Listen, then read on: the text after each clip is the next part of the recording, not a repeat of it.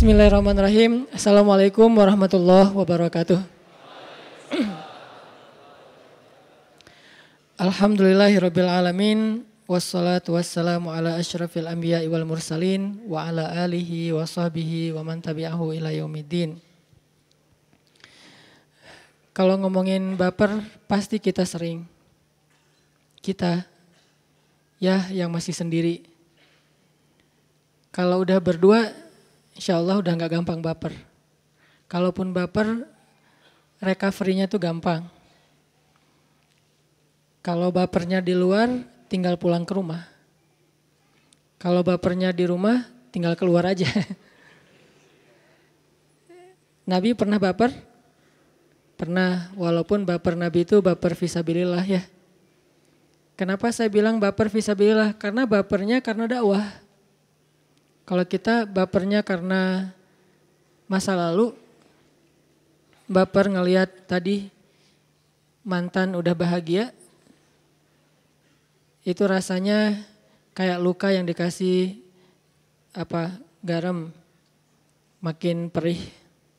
Udah terluka dikasih lagi garam, udah jatuh ketiban tangga.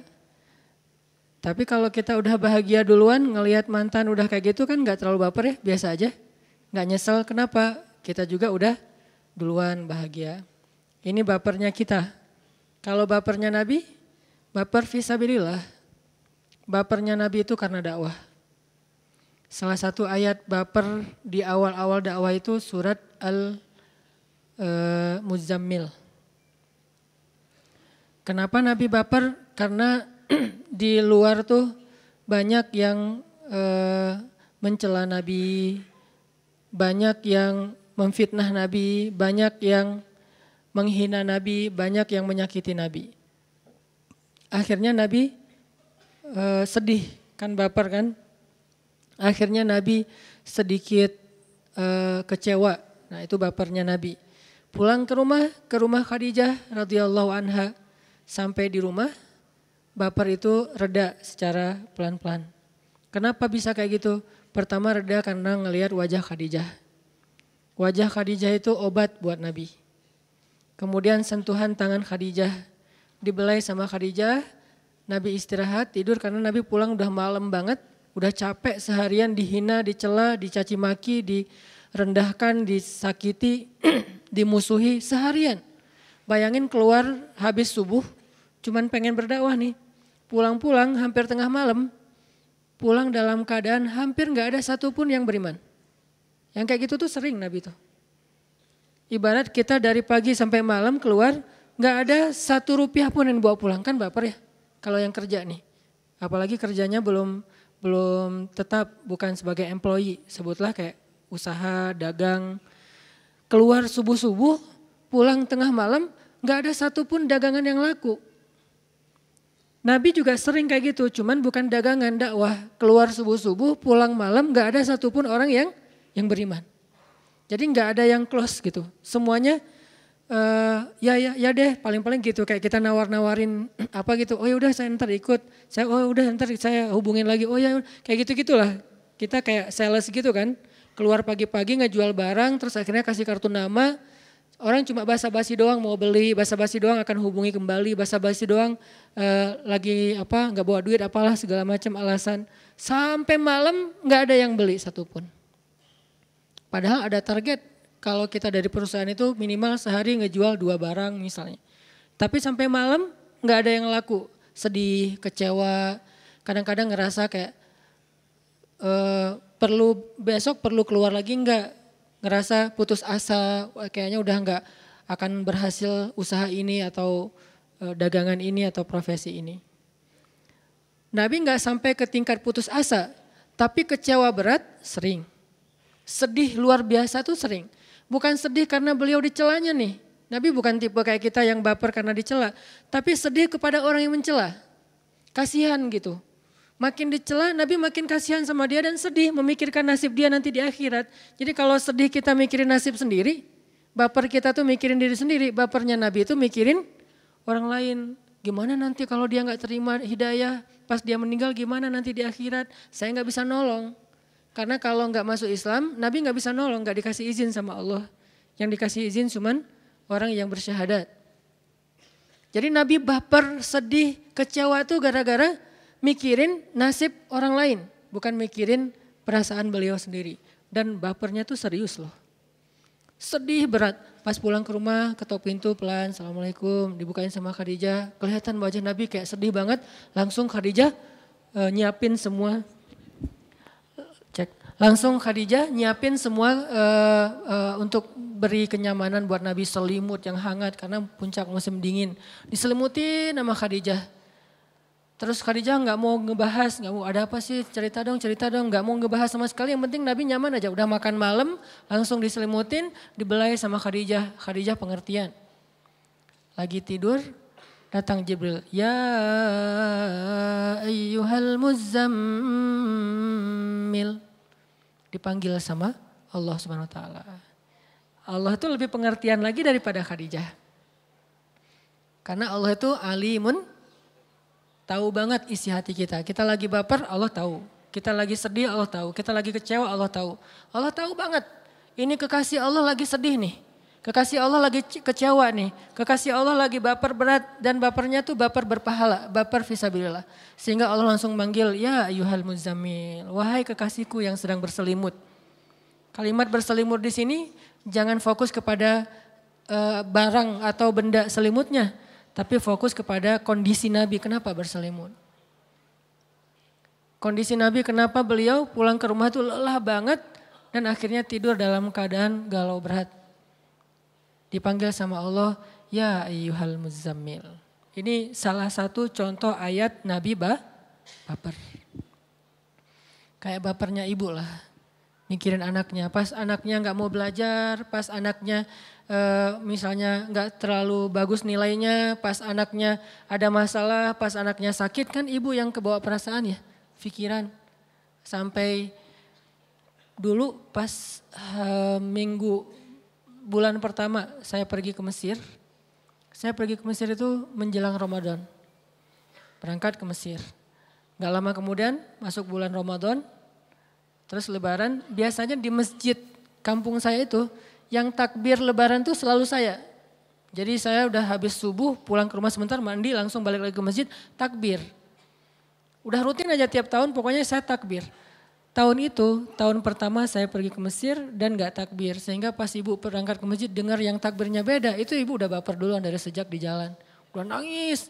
Sampai di masjid kan di, di depan masjid tuh, bukan di dalam masjid e, sholatnya di lapangan depan masjid, ibu tuh nangis panjang sampai tetangga-tetangga juga pada apa nenangin, ngehibur. Kenapa ibu baper? Ibu baper karena mikirin kita di sana lebaran pasti di rantau beda sama di rumah. Di rumah ada opor, ada lontong, ada segala macam. Jadi bapernya ibu itu justru karena mikirin perasaan anaknya. Karena kasihan kepada putranya. Dan kurang lebih seperti itulah bapernya Nabi. Karena mikirin umatnya, karena mikirin nasib umatnya, karena mikirin gimana keadaan umatnya nanti di akhirat. Kurang lebih kayak gitu. Jadi baper. Dan ini sesuatu yang kayaknya terjadi dalam kehidupan kita sering. Walaupun nanti kita coba bedain bapernya kita sama bapernya Nabi itu masih beda. Kan Nabi itu 24 jam hidupnya itu semuanya berpahala ya. bapernya aja berpahala. Nah kita bisa nggak baper kayak gitu ke orang lain? Baper visabilillah nih. Bapernya karena kasihan teman kita yang dulu teman main bareng, teman uh, mungkin pernah nakal bareng segala macam. Nah sekarang kita alhamdulillah dikasih hidayah sama Allah pengen belajar, memperbaiki diri belum benar tapi mah udah mau memperbaiki diri. Kasihan sama teman kita bukan malah benci. Makin mereka kayak ngedebat kita, ngejelekin kita, ngejauhin kita, kita makin Kasihan akhirnya dengan baper itu kita jadi ngemodal banget buat doa. Ya Allah kasihan teman saya yang itu. Dulu kita bareng-bareng uh, sering ninggalin sholat, bareng-bareng mungkin hidupnya sia-sia. Selamatkan dia ya Allah. Ini bapernya Nabi SAW tuh kualitasnya kayak gitu. Walaupun tetap kalau kita manusia biasa kadang bapernya baper egois pengen dihargai, pengen dimenangkan, pengen diprioritaskan, pengen dianggap, pengen gitu-gitu. Itu bikin kita baper. Ini contoh-contoh baper dulu ya. Dan kita karena belajar agama ya, teladan kita Rasulullah pastinya. Nggak ada teladan yang lebih utama daripada Rasul. Dan kalau kita bilang, ah itu mah Nabi. Kalau kayak gitu terus untuk apa beliau diutus kalau bukan untuk diteladani kan? Kan ada orang bilang, ah itu mah Nabi kita beda. Kalau gitu nggak usah neladani Nabi gitu. Kalau nggak usah diteladani, ngapain beliau diutus? Udah aja Allah turunkan Al-Quran dalam bentuk buku, tiba-tiba ada dan dibaca rame-rame. Atau tiba-tiba Al-Quran itu di-share aja sama Allah di dalam handphone. Semua handphone itu udah ada aplikasi Al-Quran. Bisa juga kan? Kayak misalnya ada beberapa program yang kalau kita beli handphone pasti ada kan ya aplikasinya. Udah wajib tuh dari Android. Kenapa Allah nggak share aja langsung? Kayak misalnya MP3-nya udah ada, terus game tertentu tuh udah ada. Terus kalau di komputer mah sekedar minimal office-nya udah ada gitu. Kenapa Allah nggak nge-share aja Al-Quran di setiap handphone kita? Kenapa nggak di-share aja Al-Quran dalam bentuk buku, lembaran, terus dibaca rame-rame dan dicetak ulang gitu? Kenapa harus ada nabi? Karena kalau lembaran cuman teori, tapi tidak ada visual teladannya, uswahnya tuh nggak ada. Nabi diutus supaya ditiru. Nabi diutus supaya dicontoh. Nabi diutus supaya diteladani. Jadi kalau kita bilang itu mah nabi kita beda. Terus buat apa nabi diutus? Itu kan logika sederhananya. Tapi kan kita nggak bakalan bisa seperti nabi. Emang nggak bakalan bisa sama persis kayak nabi. Tapi kita tetap bisa berada di track yang sama dengan nabi walaupun jaraknya jauh. Nggak akan pernah sejajar sama nabi. Ibaratnya ini perjalanan kayak maraton gitu. Mungkin kita entah berapa kilo ketinggalan di belakang. Tapi minimal kita nggak salah jalan. Walaupun telat sampai juga. Daripada kita berpikir, ah dia mah pro, saya nggak akan lewat jalan itu.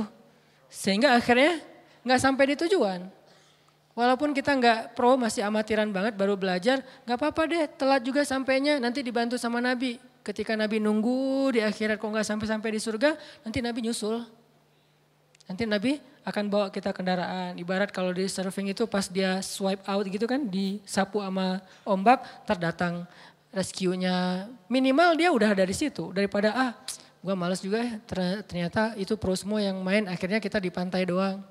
Enggak, minimal dia sama-sama beraktivitas yang sama walaupun ada yang pro ada yang amatiran. Jadi Nabi itu untuk ditiru bukan untuk di banggain doang. Rasulullah apa segala macam untuk ditiru. Walaupun kita nggak bisa niru semuanya. Termasuk dalam bab baper-baperan. Baper itu bukan cuman kebiasaan ABG anak muda doang. Orang tua juga bisa baper. Cuman e, kasusnya beda-beda. Nah, Rasulullah SAW sendiri baper. Kok Nabi bisa baper? Karena beliau manusia. Masa sih uh, harusnya kan ideal nggak ada baper-baperan, uh, flat aja. Justru kalau Nabi itu bukan manusia, malaikat, kita tuh nggak akan bisa niru Nabi justru. Karena tuh Nabi terlalu perfect, nggak ada sama sekali adegan-adegan uh, kekeliruan, lupa. Berarti kita nggak akan bisa niru Nabi, soalnya terlalu sempurna.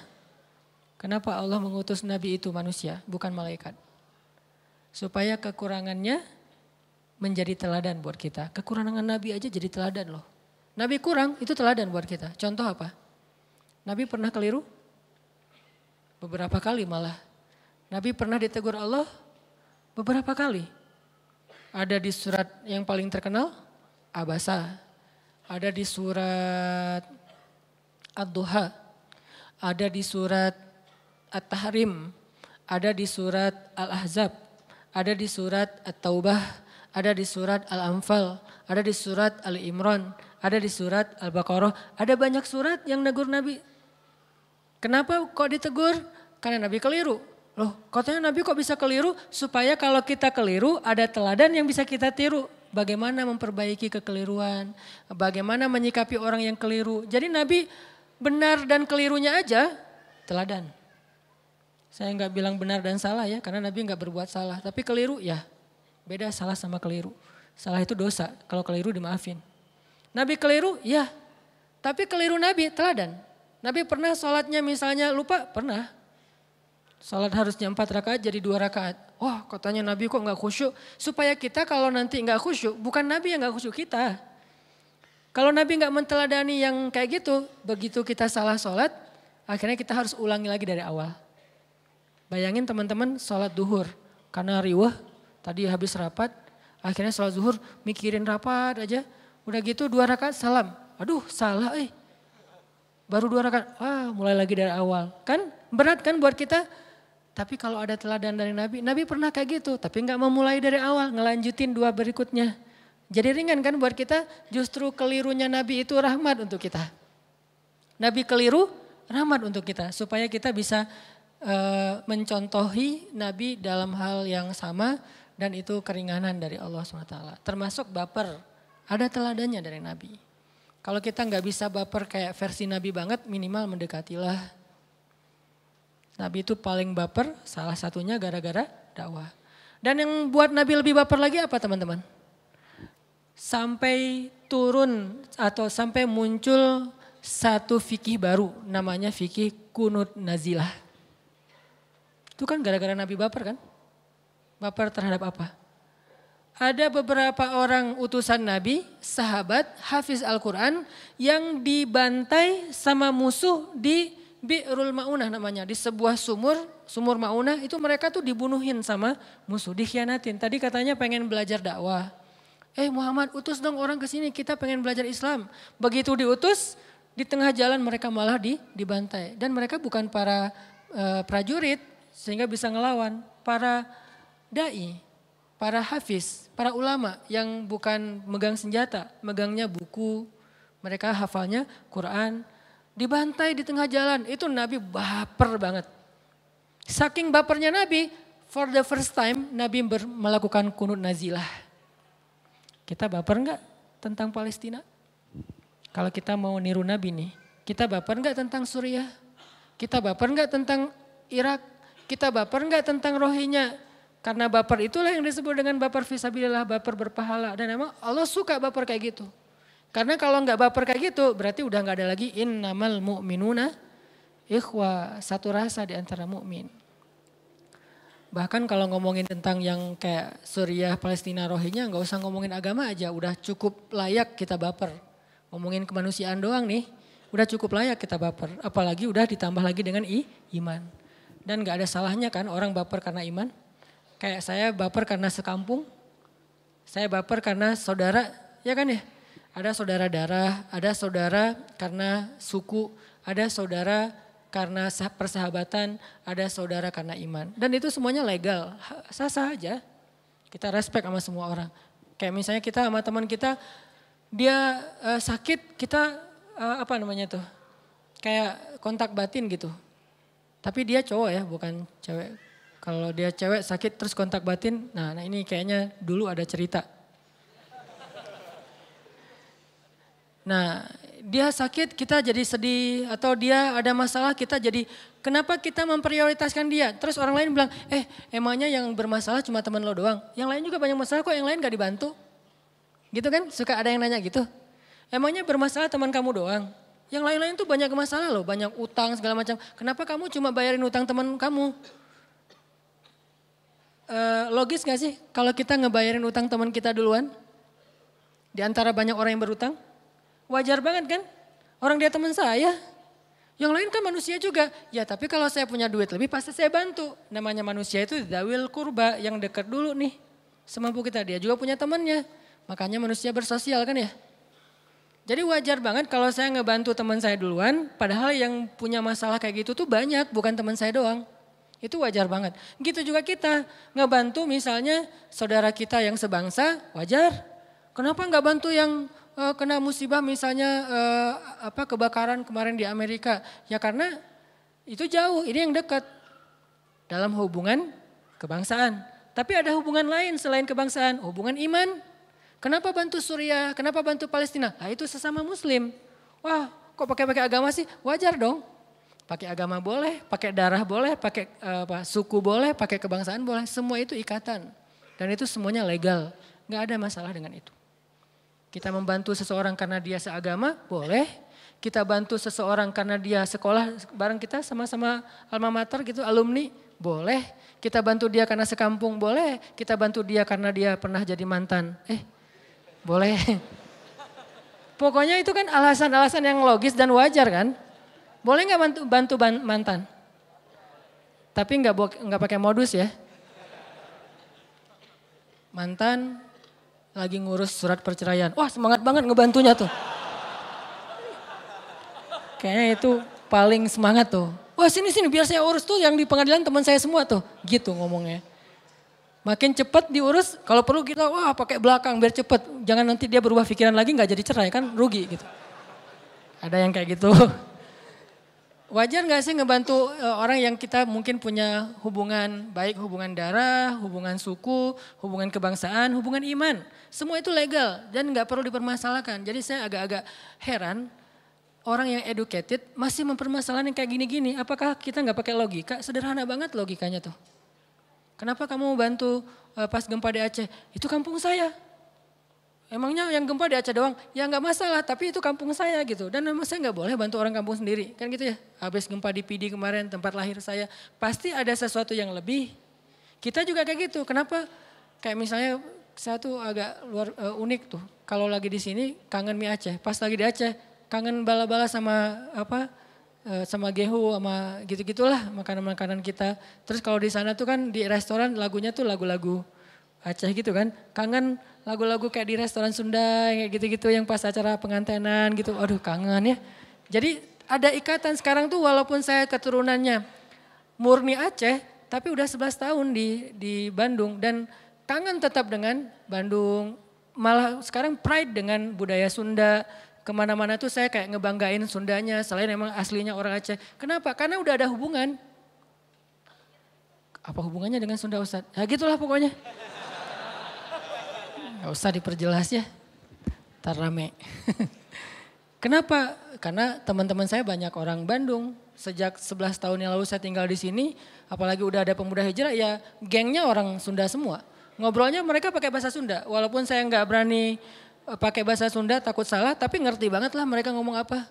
Dan dengan ngerti dan feelnya juga udah dapat apa yang orang Sunda itu suka yang nggak suka, yang orang Sunda itu kayaknya uh, apa namanya kena banget gitu. Apa yang buat mereka tuh flat aja itu ngerti udah punya feelnya. Berarti kan udah ada hubungan nih. Sehingga ketika ada masalah kayaknya misalnya kemarin tuh Ustadz yuk kita bikin sebuah program di sebutlah di sebuah provinsi mana gitu daerah timur saya bilang, jangan, itu kojo banget tuh. Emang kenapa Ustaz? Mending di Bandung dulu. Kenapa saya ngebelain Bandung dulu kalau ada program-program yang menurut saya itu kayaknya bagus nih. Gagasan-gagasan yang out of the box, kreatif dan insya Allah uh, positif. Kenapa saya ngebela-belain di Bandung dulu nggak usah di kota lain? Karena kan udah ada ikatan emosional kan dengan Bandung. Nah itu hal yang wajar. Kenapa saya ngebela-belain Palestina? Karena ada ikatan emosional dengan Palestina. Ikatan emosional dengan Suriah dan ikatan emosional itu dibangun lewat iman kata Nabi nanti ketika terjadi huru hara akhir zaman iman itu tertinggal di Syam. Syam itu Suriah Palestina. Iman itu adanya di Syam. Lalu para sahabat bertanya ya Rasul kalau terjadi huru hara nanti di tiga kota itu. Ada di Syam, ada di Irak, ada di Yaman. Kira-kira mana yang kita harus datengin? Kata Nabi Syam dulu. Maksudnya apa? Kalau kalian pengen bantu huru hara akhir zaman, eh, korban huru hara akhir zaman, bantu Syam dulu kata Nabi. Nabi yang nyuruh, bantu Syam dulu. Syam itu termasuk Palestina dan Suriah. Berarti itu ikatan yang terbangun oleh keimanan berdasarkan hadis-hadis Nabi. Dan itu hal yang wajar lah. Sama kayak kita tergerak karena uh, postingan seorang selebgram yang kita ngefans banget sama dia, dia, idola kita gitu. Sebutlah kalau di bola itu ada Cristiano Ronaldo.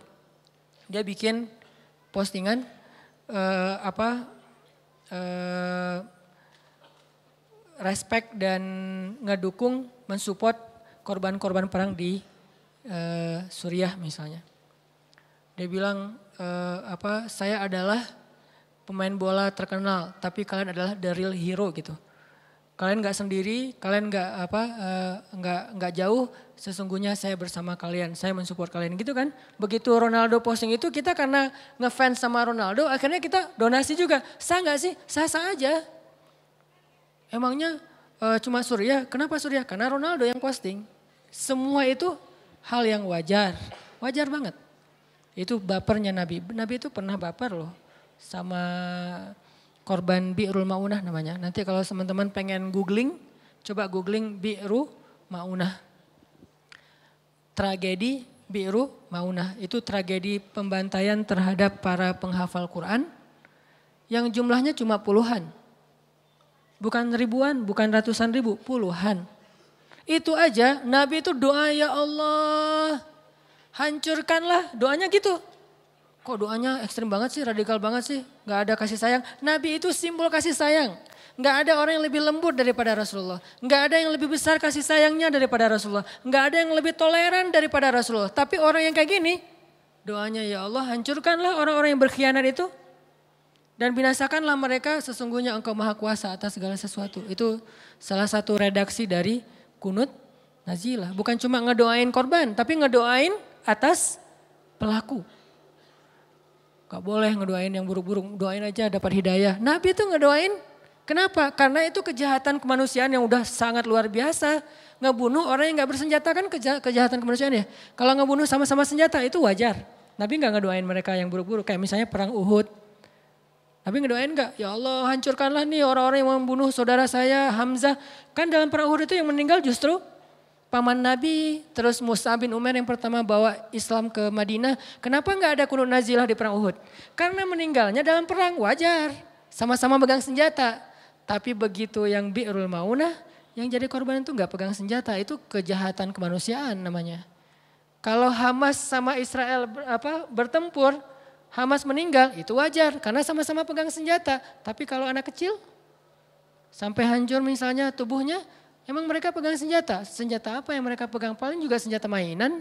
Kenapa mereka jadi korban? Berarti ini kan kejahatan kemanusiaan. Nabi itu kunut nazilah loh. Coba cek nanti di Google doa kunut nazilah dari hadis Nabi itu isinya tuh luar biasa loh. Makanya mudah-mudahan kita tahu, oh baper itu ternyata ada dalam Islam, tapi dalam kasus apa gitu. Insya Allah nanti kita bahas lebih lanjut lagi ini setelah sholat isya. Kita lanjutkan pembahasan tentang baper. Tadi kita masih ngambil contoh-contoh baper yang e, dialamin oleh Nabi. Sebagaimana istilahnya kan artinya baper bawa perasaan, artinya pakai rasa gitu ya. Dan memang kalau kita baca di Al-Quran itu teman-teman, perasaan kita juga bisa jadi ibadah, bisa juga jadi dosa. Artinya Islam itu mengajarkan kita untuk melibatkan perasaan untuk e, beramal soleh, bukan cuma fisik.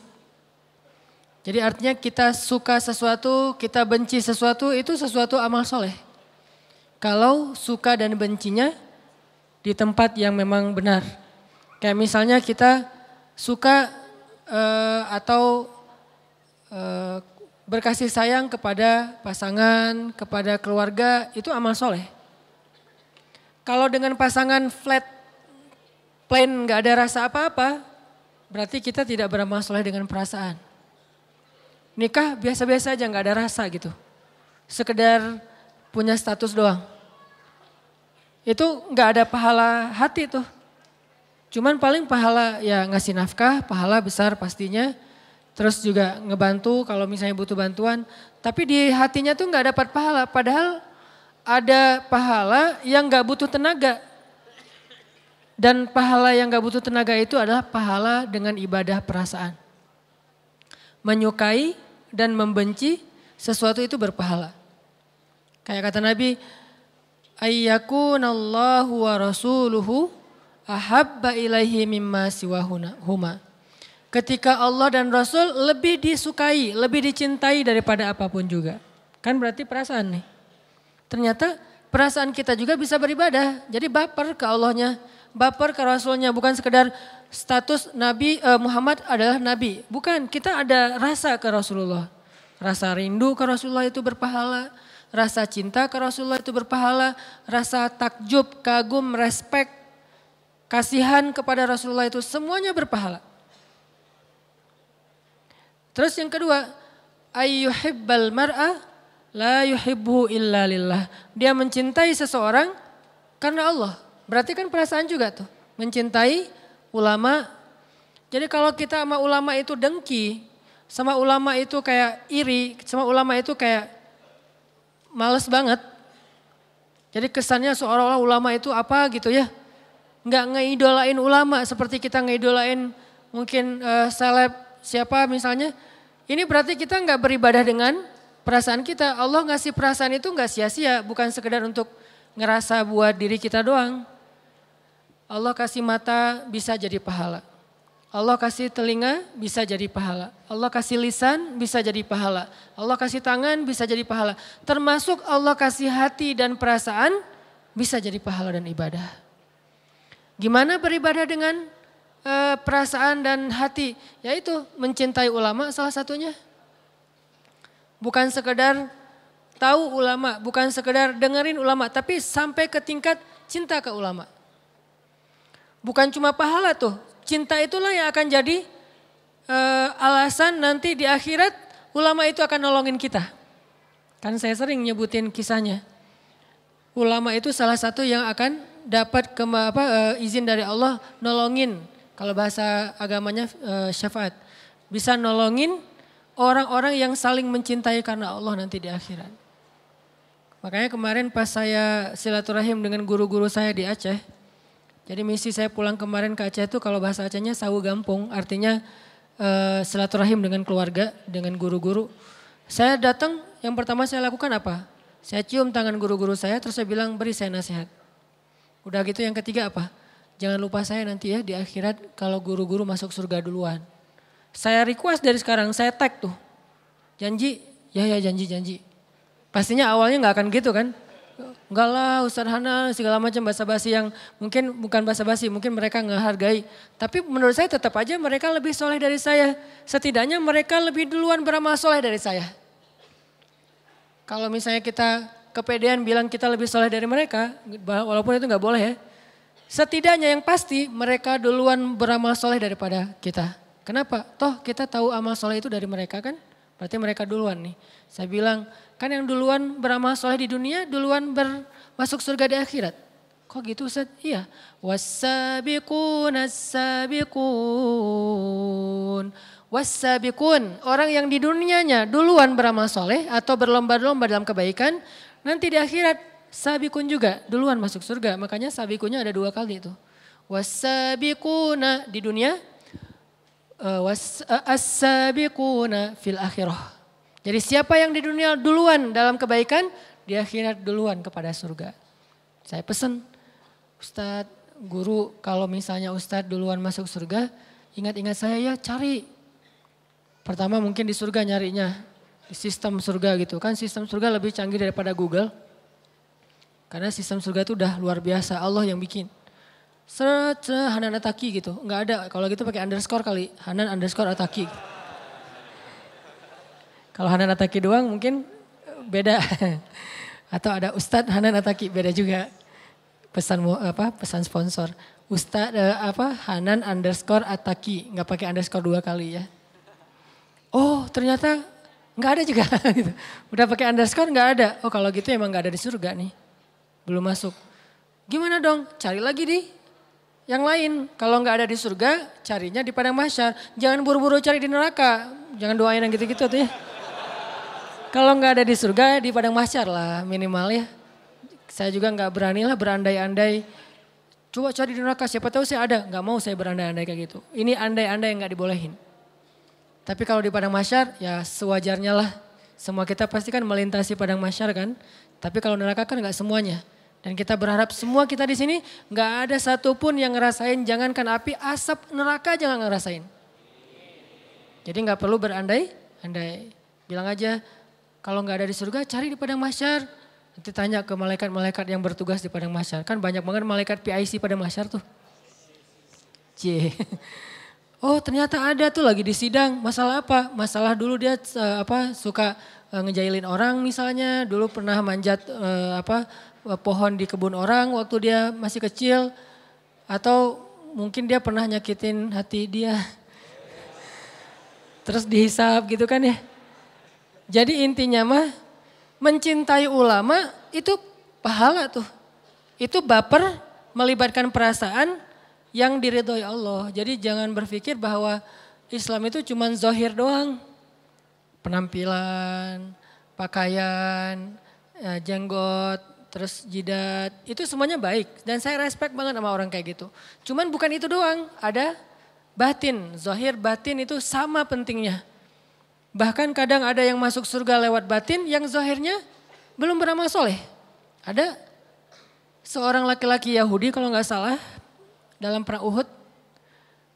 Pas terjadi perang, pas dia masuk Islam. Jadi hari kejadian perang tuh dia datang ke Nabi eh, syahadat, udah selesai syahadat langsung ngebelain Nabi tuh. Jadi pelindung Nabi dalam perang Uhud. Dan meninggal hari itu juga, belum pernah sholat lima waktu.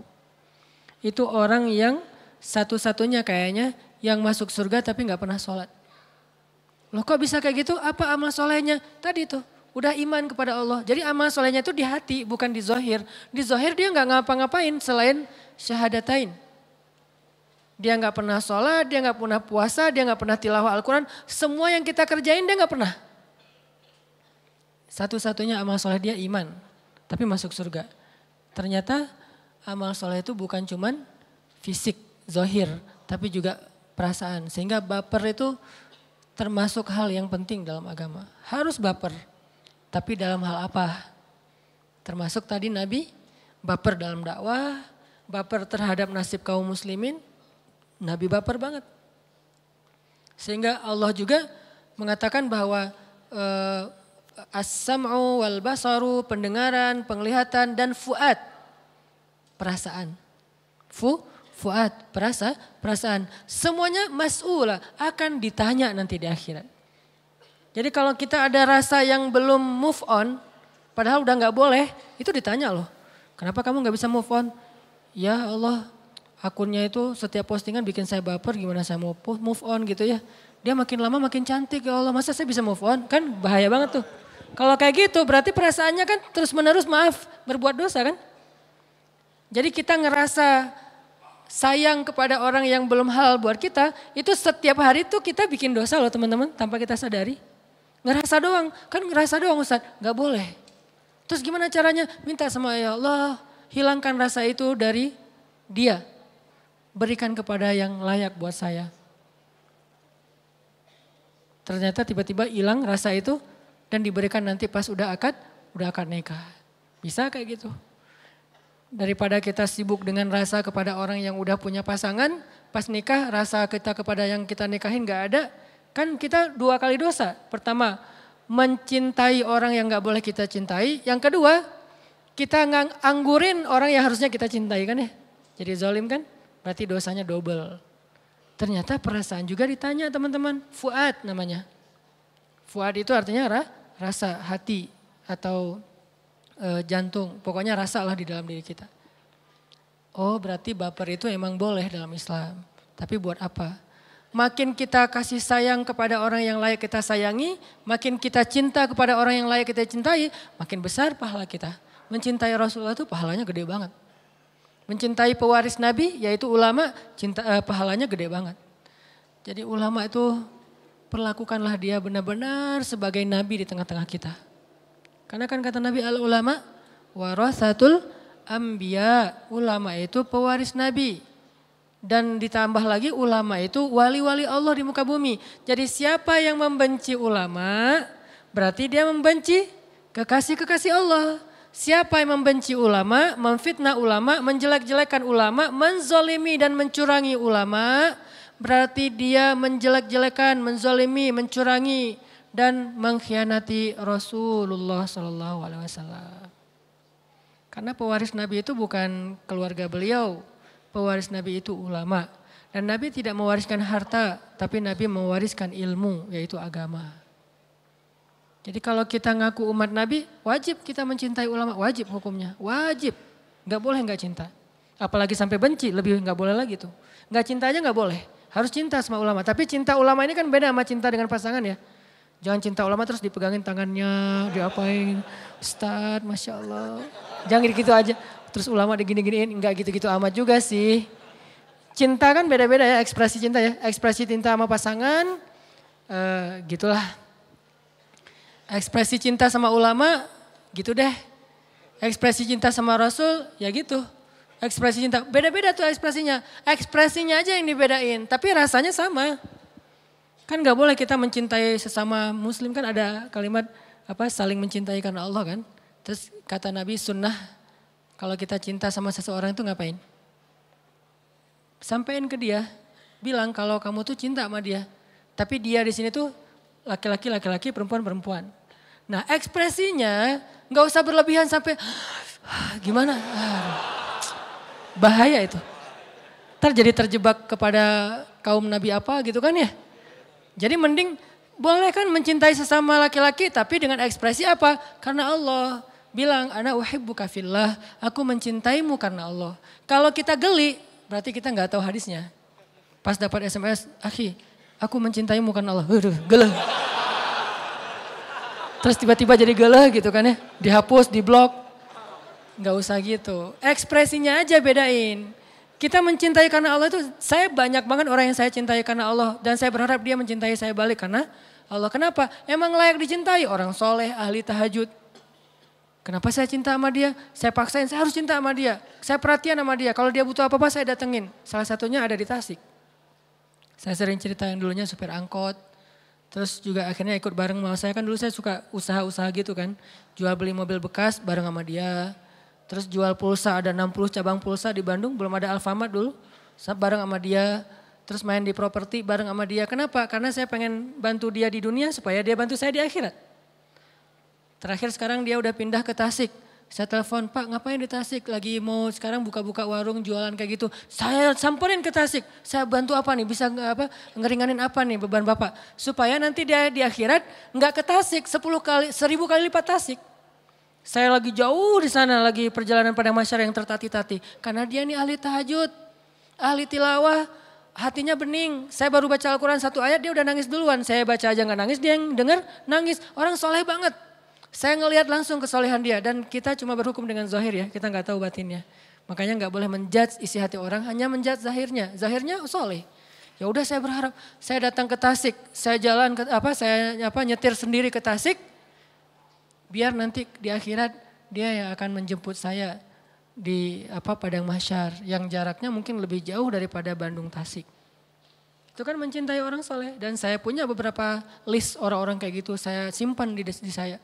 Dan saya berusaha supaya dia juga cinta sama saya. Karena kalau saya cinta sama dia doang tapi nggak dia nggak cinta sama saya belum berbalas nanti di akhirat. Caranya gimana biar dia cinta sama saya juga? Tahadu, tahabu. Salah satunya kan saling berhadiahlah kalian, maka kalian saling mencintai. Berarti saya harus kasih dia banyak hadiah. Butuh apa pak? Butuh apa? Hadiah, hadiah, hadiah. Biar dia ingat saya. Terus kalau ada apa-apa, saya eh, curhatnya ke dia, tolong doain anak saya lagi sakit, tolong doain saya lagi sedih, tolong doain. Oh, akhirnya dia ingat saya terus, nanti di akhir juga kayak gitu. Begitu dia nggak ngelihat saya, dia ingat. Nah, akhirnya saya dapat cinta dia. Suatu saat lama nggak ketemu tiba-tiba dia, dia SOS Ustadz gimana keadaannya saya kangen udah lama nih nggak ketemu Ustadz biasanya saya suka dipanggil ke rumah untuk kalau saya ada rusak listrik atau apa suka manggil dia. Padahal kalau manggil tetangga bisa kan? Yang bisa benerin listrik banyaklah tetangga. Kenapa saya manggil dia jauh-jauh? Karena saya pengen ngasih hadiah buat dia. Benerin listrik berapa sih? Cuman ganti kabel segala macam, paling sejam juga beres, kasih 25 ribu, 30 ribu. Tapi saya pengen ngundang dia ke rumah, biar nggak cuman ngundang ngasih duit, mending saya ngasih dia sedikit kerjaan biar uh, lebih baik buat dia, biar nggak mencela juga menghina. Pak saya listriknya rumah lagi rusak nih, datang kasih 500 ribu misalnya. Biar dia ingat sama saya di dunia. Nanti di akhirat dia juga akan ingat. Ternyata benar di dunia dia ingat lama gak ketemu dia SMS duluan. Ustadz ke mana aja udah lama ya gak ketemu kangen nih. Mudah-mudahan kangen di dunia itu menjadi indikasi nanti dia akan kangen juga di akhirat. Gak ketemu enam bulan aja kangen gimana gak ketemu seribu tahun. Pasti akan lebih kangen lagi. Jemput. Bayangin yang jemputnya satu rombongan pakai truk. Tiba-tiba di akhirat ada satu truk besar, zah datang itu orang-orang soleh semuanya. Ngejemput siapa pak? Satu rombongan. Menjemput Hanan Ataki. Bayangin yang ngejemputnya itu orang soleh semua kan ya. Kumpulkanlah satu truk orang-orang kayak gitu. Kita cintai mereka. Bikin mereka cinta juga sama kita. Tahadu, tahabu. Kasih hadiah, kasih ini, kasih itu. Bukan saya ya. Karena saya ngerasa bukan ini, ini demi Allah bukan basa-basi. Saya tuh belum merasa soleh untuk layak jadi orang yang bisa nolongin orang di akhirat. Enggak. Nih saya ngomong kayak gini biar teman-teman nyari deh. Nyari di luar tuh banyak banget orang-orang soleh yang teman-teman udah lihat. Kalau ini kan bukan ngomong di depan tuh kan bukan indikasi kesolehan ya. cuman ada sedikit uh, apa sesuatu yang bisa di-share ya share. Belum tentu juga saya paling soleh. Tapi kalau teman-teman ngelihat ada yang emang udah istiqomah, sholat lima waktu dijaga, bukan hanya ibadah ya, akhlaknya juga baik ke orang lain, care, ngalah, sabar, maafin. Ada orang kayak gitu, kejar tuh orang. Nanti dia akan kejar kita nanti di akhirat. Cari tuh orang, nanti dia akan cari kita di akhirat. Ini kan ngelibatin perasaan, ibadah-ibadah hati nih. Baper nih. Nah baper-baper kayak gini nih yang harus kita bangun nih. Selain baper kayak Rasulullah, baper kepada kaum muslimin yang sedang tertindas, padahal cuma beberapa puluh orang. Bayangin Suriah itu udah lebih dari 500 ribu orang yang jadi korban sejak Arab Spring. Lebih 500 ribu orang. Masih kurang cukup jumlahnya untuk bikin kita baper. Kalau itu juga nggak baper, kayaknya kita perlu mempertanyakan lagi, masih ada perasaan gak sih di hati kita? Karena Allah itu wajib baper menurut saya. Dan itu sangat legal, sangat wajar. Kalau ada yang bilang itu radikal, mana ada radikal? Yang radikal justru Rusia tuh yang ngebom-bom anak kecil di Suriah. Yang radikal justru Bashar Assad tuh yang membiarkan rakyatnya dibom sama negara lain. Kan itu rakyatnya dia. Kenapa dia ngedukung Rusia? Itu yang radikal, korban bukan radikal. Dan kita simpati kepada eh, korban masa disebut radikal? Emang kita ngebom siapa? Kita nyakitin siapa? Enggak kan? Kita cuma pengen bantu saudara kita yang kesakitan saya lihat banyak banget postingan tuh. Kan saya coba lihat nanti saya following siapa. Salah satu yang saya following kan yang emang update ya berita dari sana. Biar saya eh, makin baper. Dan baper itu bikin saya makin sering berdoa dan bersyukur, nggak banyak ngeluh. Karena ternyata di sana jauh lebih susah hidupnya daripada kita. Saya nge-following itu buat itu, buat self reminder lah, buat ngingetin diri saya biar nggak gampang ngeluh. Begitu ada masalah dikit, masalah pribadi, lihat itu, wah masalah pribadi saya kecil dibandingkan ini, gak jadi terlalu berat sedihnya. Gampang recovery. Barusan aja habis sholat isya saya dapat lagi postingan terbarunya, anak kecil tuh. Kepalanya tinggal sebelah, dijajar, semuanya kena itu yang semalam korban semalam pemboman dari pesawat tempur Rusia. Apa nggak baper? Rasul aja cuma berapa puluh orang baper sampai kunun nazilah, ini 500 ribu orang. Ada lagi tuh kasus Nabi baper berat. Sampai ada adegan pengusiran dari benteng Bani Kainuka apa Quraidah? Kainuka kalau nggak salah. Kan ada tiga benteng Yahudi kan ya, Nudair, Kainuka dan Quraidah. Ada seorang cewek muslimah lagi belanja di pasar Yahudi. Sama anak-anak muda Yahudi diisengin. Orang Yahudi ini kan nggak ngelihat laki-laki dan perempuan, disamain. Jadi yang paling menghargai perempuan itu justru Islam loh. Cuman kita kemakan sama propaganda-propaganda mereka kan, Zionis. Akhirnya kita anggap Islam itu yang paling gak adil sama perempuan. Gak ada cerita itu, justru yang paling adil sama perempuan itu Islam. Menghormati perempuan banget. Bukti paling gampang ketika ditanya siapa orang yang paling berhak saya berbuat baik ya Rasulullah, ibumu. Kalau udah gitu siapa lagi ya Rasul? Ibumu. Udah ibu, siapa lagi ya Rasul? Ibumu. Setelah itu baru ayahmu, coba. Itu paling sederhana lah.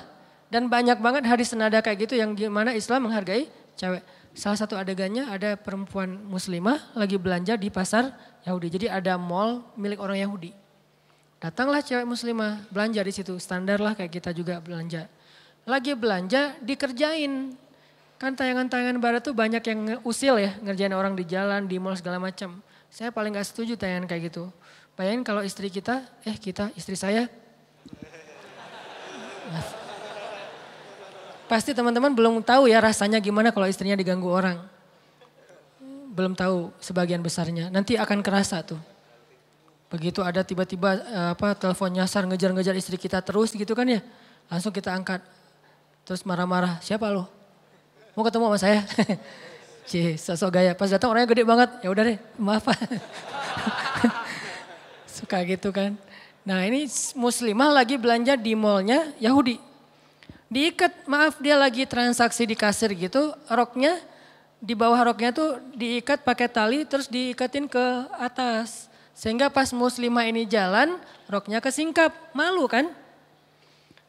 Orang Islam itu muslimah itu kan menutup aurat bukan karena kewajiban, tapi karena kehormatan dan rasa mah Rasa malu, rasa malunya tuh besar.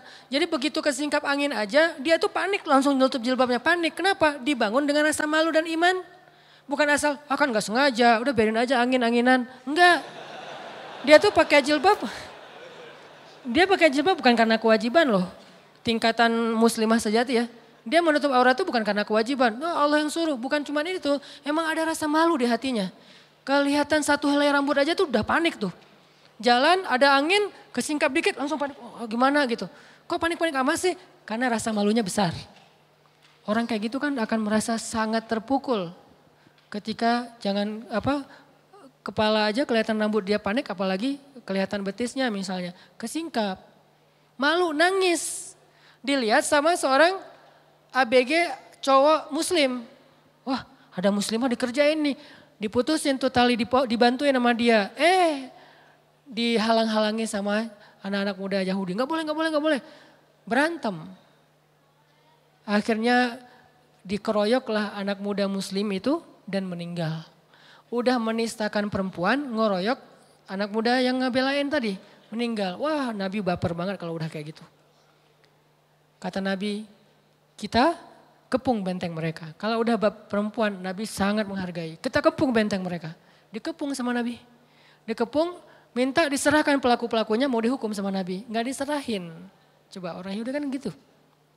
Lihat aja postingan-postingan terbaru di Palestina. Seorang muslimah disuruh buka jilbabnya, dia nggak mau buka, ditembak di tempat. Muslimah dipukulin sama, masa tentara mukulin cewek? Kan agak-agak aneh nih. Nah Nabi baper banget, dikepung cuma satu permintaannya, serahin pelaku-pelakunya biar kita adili. Dan Nabi nggak akan zolim kok, akan diadili sesuai dengan keadilan. Keserahkan, nggak diserahin. Kalau nggak diserahin ya udah dikepung aja terus. Sampai mereka nyerah akhirnya diusirlah yang tua-tua, yang perempuan disuruh keluar dari Madinah karena udah membatalkan perjanjian. Udah nggak sesuai lagi dengan akad di awal. Yang muda-muda dikumpulin kemudian mereka dihukum. Ini bapernya Nabi nih. Terus kalau Nabi satu muslimah aja digituin doang. Baper gimana kita di Suriah hampir ribuan muslimah itu maaf dinodai. Di Rohinya banyak banget kasus perempuan muslimah yang ayahnya udah lari, yang kakaknya udah lari, yang ibunya dibunuh di depan matanya, yang anak kecil dibunuh, yang perempuan yang ABG nih, umur di atas, di atas 7 tahun sampai eh, uh, 25 tahun, itu dinodai. Dan banyak kasus yang dalam semalam itu puluhan, puluhan orang menodai satu perempuan. Puluhan orang dalam satu malam.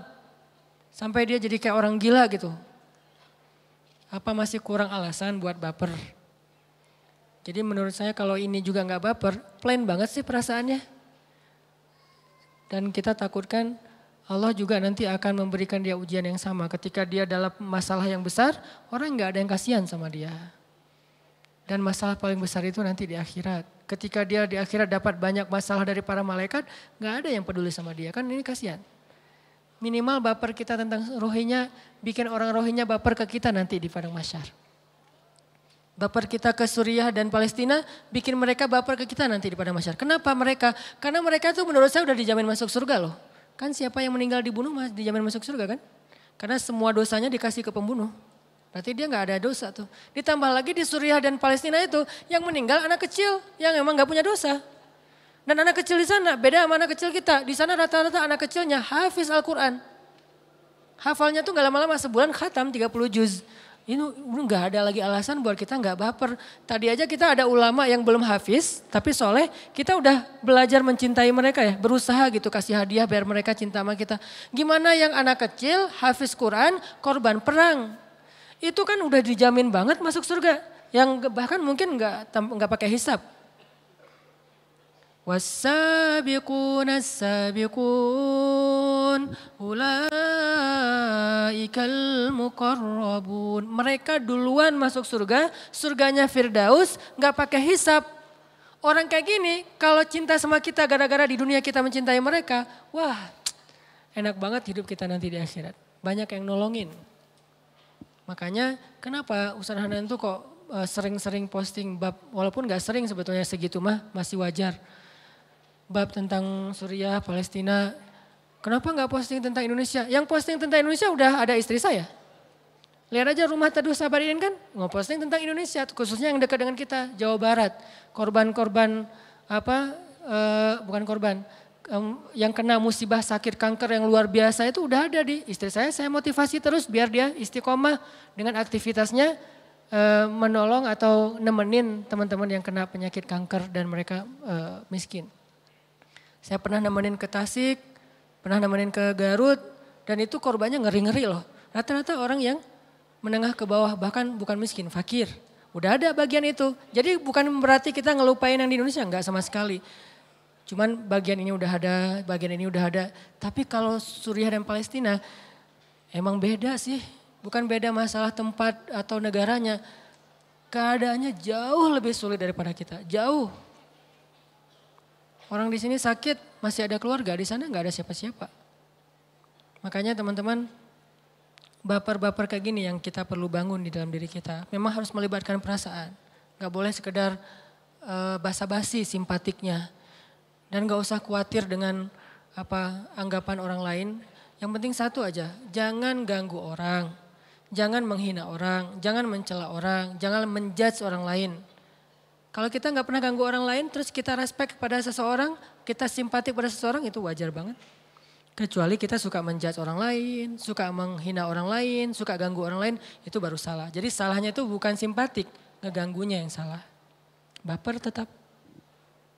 Coba teman-teman lihat deh di surat Al-Kahfi, salah satu contoh Nabi baper. Surat 18 ayat 6. Itu salah satu contoh Nabi baper banget. فلعلك باخع نفسك على آثارهم إن لم يؤمنوا إن لم يؤمنوا بهذا الحديث أسفا Hampir-hampir kamu mencelakai dirimu sendiri wahai Muhammad. Saking bapernya Nabi tuh. Maksud mencelakai, saking bapernya Nabi sampai sakit tuh. Nabi itu berdakwah tuh benar-benar apa soulful banget. Ada yang nolak, sedih beliau. Ada yang nolak sedih, bukan sedih ke dirinya, sedih ke orang lain. Saking sedihnya bikin Nabi sakit.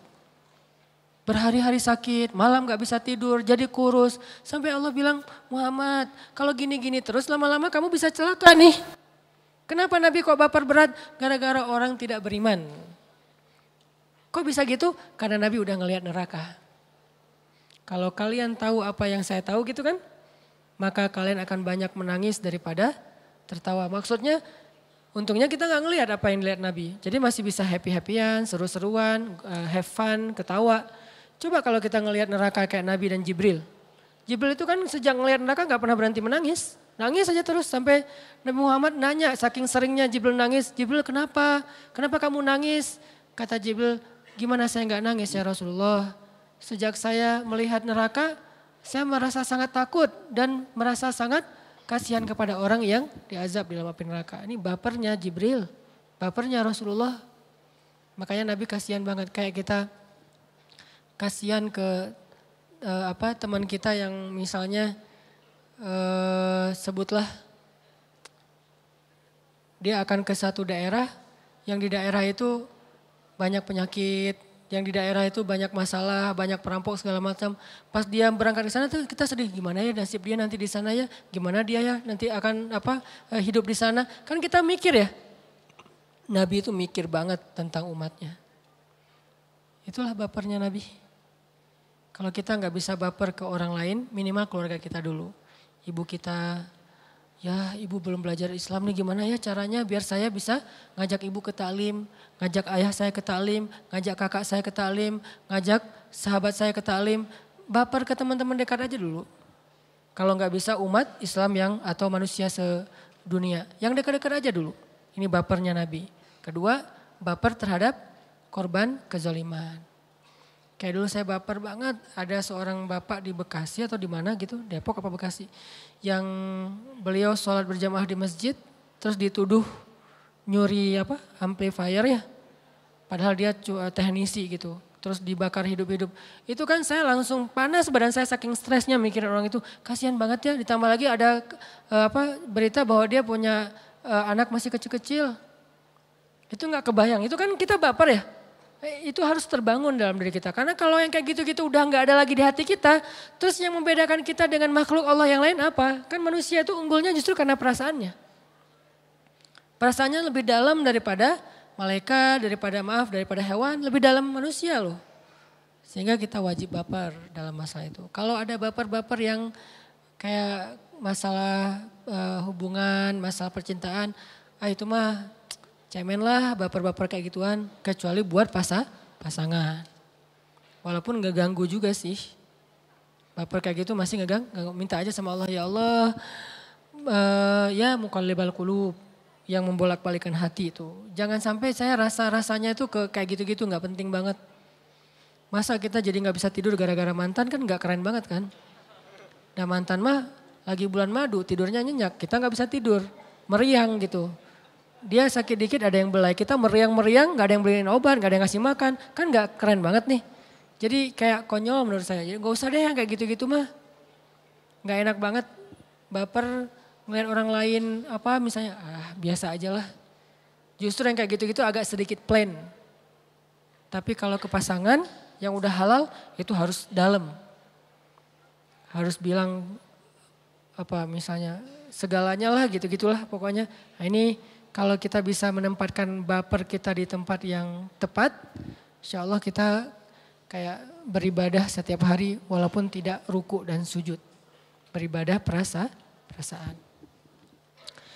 Oke, itulah teman-teman contoh-contoh baper yang diajarkan Islam, diajarkan Rasulullah Wasallam. Saya ulangi satu baper eh, apa tadi? Karena dakwah ngajak teman kita. Kedua, baper untuk orang-orang yang terzolimi. Kita sedih, kita simpatik, kita kasihan, kita ikut ngerasain itu innamal mu'minuna ikhwah. Ketiga, baper mencintai dan membenci sesuatu karena Allah. Cintai ulama salah satunya. Karena di Indonesia ini sekarang salah satu krisis di Indonesia menurut saya nih, kita udah nggak terlalu respect lagi sama ulama. Itu krisis tuh. Kalau di Jawa Timur tuh masih keren loh. Jawa Timur itu atau di Jawa Barat yang bagian Garut, Tasik ya, itu respect ke ulamanya tinggi dan itu keren. Tapi di beberapa tempat respect ke ulamanya udah hampir nggak ada ulama tuh dianggap kayak sama dengan kita. Dikritisi, dikomentarin macam-macam, dijelek-jelekin kalau perlu. Gak boleh kayak gitu dengan ulama. Masa Nabi nyampain hadis terus kita komentar. Ah gak usah ngomong aja. Nabi, Nabi, Nabi nyampein hadis kita bilang, ah jangan teori doang gitu-gitu kan ya. Ini kan agak-agak gimana gitu. Dan ulama nggak nyampein kecuali Al-Quran, hadis mau dikomentarin kan nggak layak. Dan orang yang mengkomentari ulama, Allah udah menegur mereka di surat Luqman. Wala tusa'ir khaddalaka wa uh, inna ankaral aswad la sautul hamir. Sungguh suara yang paling buruk itu suara keledai. Apa maksud dari peribahasa itu? Itu kan peribahasa Al-Quran. Seburuk-buruk suara adalah suara keledai. Maksudnya apa? Keledai itu kan simbol hewan yang bodoh di dalam Al-Quran. Seperti di surat Al-Jum'ah. Dia bawa banyak lembaran tapi gak ngerti apa-apa. Itu keledai. Tapi suaranya lantang. Maksudnya apa? Seburuk-buruk suara adalah orang yang gak ngerti apa-apa. Tapi membantah ulama. Ini bahaya nih. Ulama nih, MUI ngeluarin fatwa. Kita bilang, saya gak setuju sama MUI. Emang saya siapa? Kecuali saya juga ulama. Saya sebagai misalnya ketua ormas apa, gak setuju dengan MUI. Selevel nih tapi kita orang awam gak setuju dengan ulama, emang kita siapa? Kecuali kita bilang gini, saya ngikutin ulama ini aja deh. Bukan ulama yang itu, boleh. Karena ulama macam-macam kan. Kita mengikuti salah satunya. Tapi kalau kita menentang ulama dengan pendapat kita, itu gak, nggak level. Gak layak lah. Sehingga coba teman-teman kita mulai menghargai para ulama. Baik ulama itu yang ngetren di media atau ulama yang mungkin guru-guru kita di musola, di masjid, yang guru-guru kita di sekolah, yang ngajarin kita Al-Quran, hadis. Bagaimana dengan yang ngajarin kita sains, itu guru. Tetap kita hargai. Tapi ulama yang mengajarkan ayat dan hadis itu e, lebih utama lagi. Karena emang itulah pewaris Nabi. Jangan mencela ulama. Jangan merendahkan ulama. Kalau nggak sanggup ngomong yang baik tentang ulama, diam.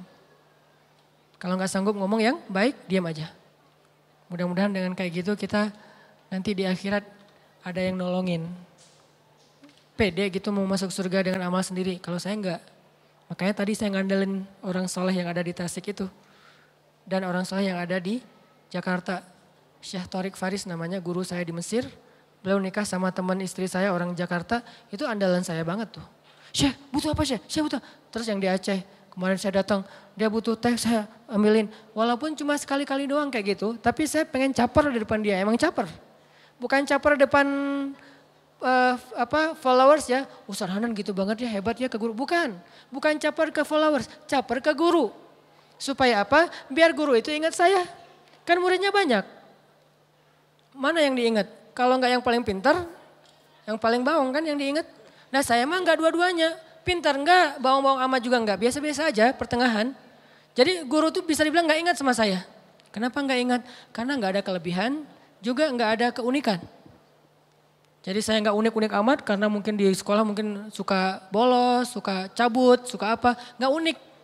Juga nggak pintar-pintar amat yang kalau disuruh ke depan pasti maju, enggak, biasa-biasa aja sampai guru lupa. Emang kamu pernah jadi murid saya? Sampai gitu. Terus gimana biar saya diingat? Ya caper kan? Saya harus caper, saya harus apa gitu. Sehingga mudah-mudahan kalau saya sedikit agak-agak riak dalam tanda petik, supaya guru saya tahu, Ustaz saya gini-gini, saya dakwah sekarang, Ustaz dan segala macam. Biar dia, oh iya ya berarti saya punya murid yang kayak gini, Alhamdulillah dia ingat. Nanti di akhirat dia juga ingat ke saya. Itu baper ya, mudah-mudahan bermanfaat. Dan uh, pesan moral yang utama adalah jangan baper dulu kepada lawan jenis kecuali setelah akad nikah. Hubungannya apa Ustadz? nggak ada hubungannya sih. Keingat aja barusan itu penting ya. Kenapa? Panjang lagi nih. Kenapa? Karena kalau udah baper duluan belum nikah, nanti pas sudah nikah agak-agak plain. Apalagi ngebanding-bandingin, jangan. Udah aja tahan dulu sekarang. Tapi Ustadz enak rasanya tuh Ustadz kayak gitu-gitu. Enak apaan? Enaknya cuma sebentar, setelah itu wah, masa dibahas pengen bunuh diri lah, kelilingin sungai ini lah, pengen loncat dari apa lah, kan gak enak tuh. Gak usah lah kayak gitu-gitu mah. Udah aja. Ternyata saya tahu sekarang, oh ternyata setelah menikah masih bisa meluapkan perasaan itu yang luar biasa. Oh ya udah nikah aja. Saat belum direstui, ya pelet. enggak, enggak, enggak, enggak, enggak boleh, haram ya. Barakallahu li walakum. Mudah-mudahan ini bermanfaat. Allahumma gfir lana dzunubana wali walidayna warhamhuma kama rabbayana sighara. Ya Allah, ampunkanlah dosa-dosa kami ya Allah. Janganlah engkau tutup hati kami karena dosa-dosa kami di masa lalu ya Allah.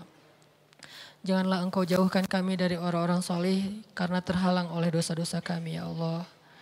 Jangan engkau cabut Al-Quran dari hati kami karena dosa-dosa kami ya Allah. Jangan engkau cabut keberkahan ilmu dari hati kami karena dosa-dosa ya Allah. Jangan engkau cabut rezeki yang halal dan keberkahannya karena dosa-dosa ya Allah. Ilahana, ampunkan dosa-dosa kami, terima taubat kami. Kami bukanlah orang yang layak untuk engkau sayang. Tapi jika engkau tidak menyayangi kami, siapakah kasih sayang lebih besar daripada kasih sayangmu yang kami harapkan ya Allah. Meskipun kami tidak layak, kami tetap memohon kepadamu, sayangi kami ya Allah.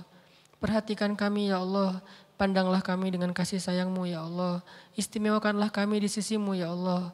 Jadikanlah kami termasuk orang-orang yang engkau ridhoi ya Allah. Ilahana. Cabutlah masalah dan musibah dari hidup kami ya Allah. Jangan engkau biarkan masalah dan musibah itu terus menerus membuat kami sedih, membebani kami. Karena tidak ada yang bisa mengangkat masalah dan musibah dari hidup seorang makhluk kecuali engkau ya Allah. Ilahana, engkaulah yang membolak balikan hati. Tetapkanlah hati kami dalam keimanan. Engkaulah yang memunculkan rasa cinta dan benci. Jadikanlah kami hanya mencintai apa-apa yang engkau ridhoi. Mencintai engkau ya Allah. Mencintai Rasulmu ya Allah di atas apa pun juga. Mencintai orang tua ya Allah mencintai pasangan yang sudah halal, mencintai keluarga, mencintai sahabat karena engkau, mencintai ulama karenamu ya Allah, dan tidak mencintai seseorang kecuali karena engkau saja ya Allah. Ilahana, tolonglah saudara-saudara kami di seluruh dunia. Tolong saudara-saudara kami di Palestina. Tolong saudara-saudara kami di Irak. Tolong saudara-saudara kami di Syam. Tolong saudara-saudara kami di Rohingya. Tolong saudara-saudara kami di seluruh Indonesia yang sedang menerima musibah darimu ya Allah. Kuatkanlah hati mereka, kuatkanlah kesabaran mereka, dan berikanlah kami kesempatan untuk bisa menolong mereka di dunia, sehingga kelak mereka yang akan menolong kami di akhirat. Ilahana, beri kami ilmu yang bermanfaat, ilmu yang menambah iman dan amal soleh, ilmu yang memperindah akhlak kami. Bukan ilmu yang sekedar menjadi wawasan di dalam benak kami, menjadi hafalan dalam pikiran kami, dan menjadi teori yang kami banggakan dan kami jadikan sebagai perdebatan di antara kami. Jadikanlah ilmu kami, ilmu yang bisa kami amalkan, ilmu yang semakin mendekatkan kami kepada Engkau, ilmu yang menambah keyakinan kami kepadamu, ilmu yang memperindah akhlak kami kepada sesama manusia. Ilahana. Beri petunjukmu kepada pemuda-pemuda Islam di Indonesia. Beri petunjukmu kepada pemimpin-pemimpin kami. Beri taufik dan kasih sayangmu kepada ulama-ulama kami. Pertemukanlah kami lebih banyak orang-orang soleh ya Allah. Dan berikan kami kesempatan untuk mencintai mereka dan dicintai oleh mereka. Sehingga kelak mereka akan menolong kami di padang masyar. Ilahana, jadikanlah majelis kami majelis yang engkau rahmati dan perpisahan setelahnya perpisahan yang engkau jaga dari dosa-dosa. Rabbana atina fid dunya hasanah wa fil akhirati hasanah wa qina adzabannar. Subhanakallahumma wa bihamdika asyhadu an la ilaha illa anta astaghfiruka wa atubu ilaik. Assalamualaikum warahmatullahi wabarakatuh.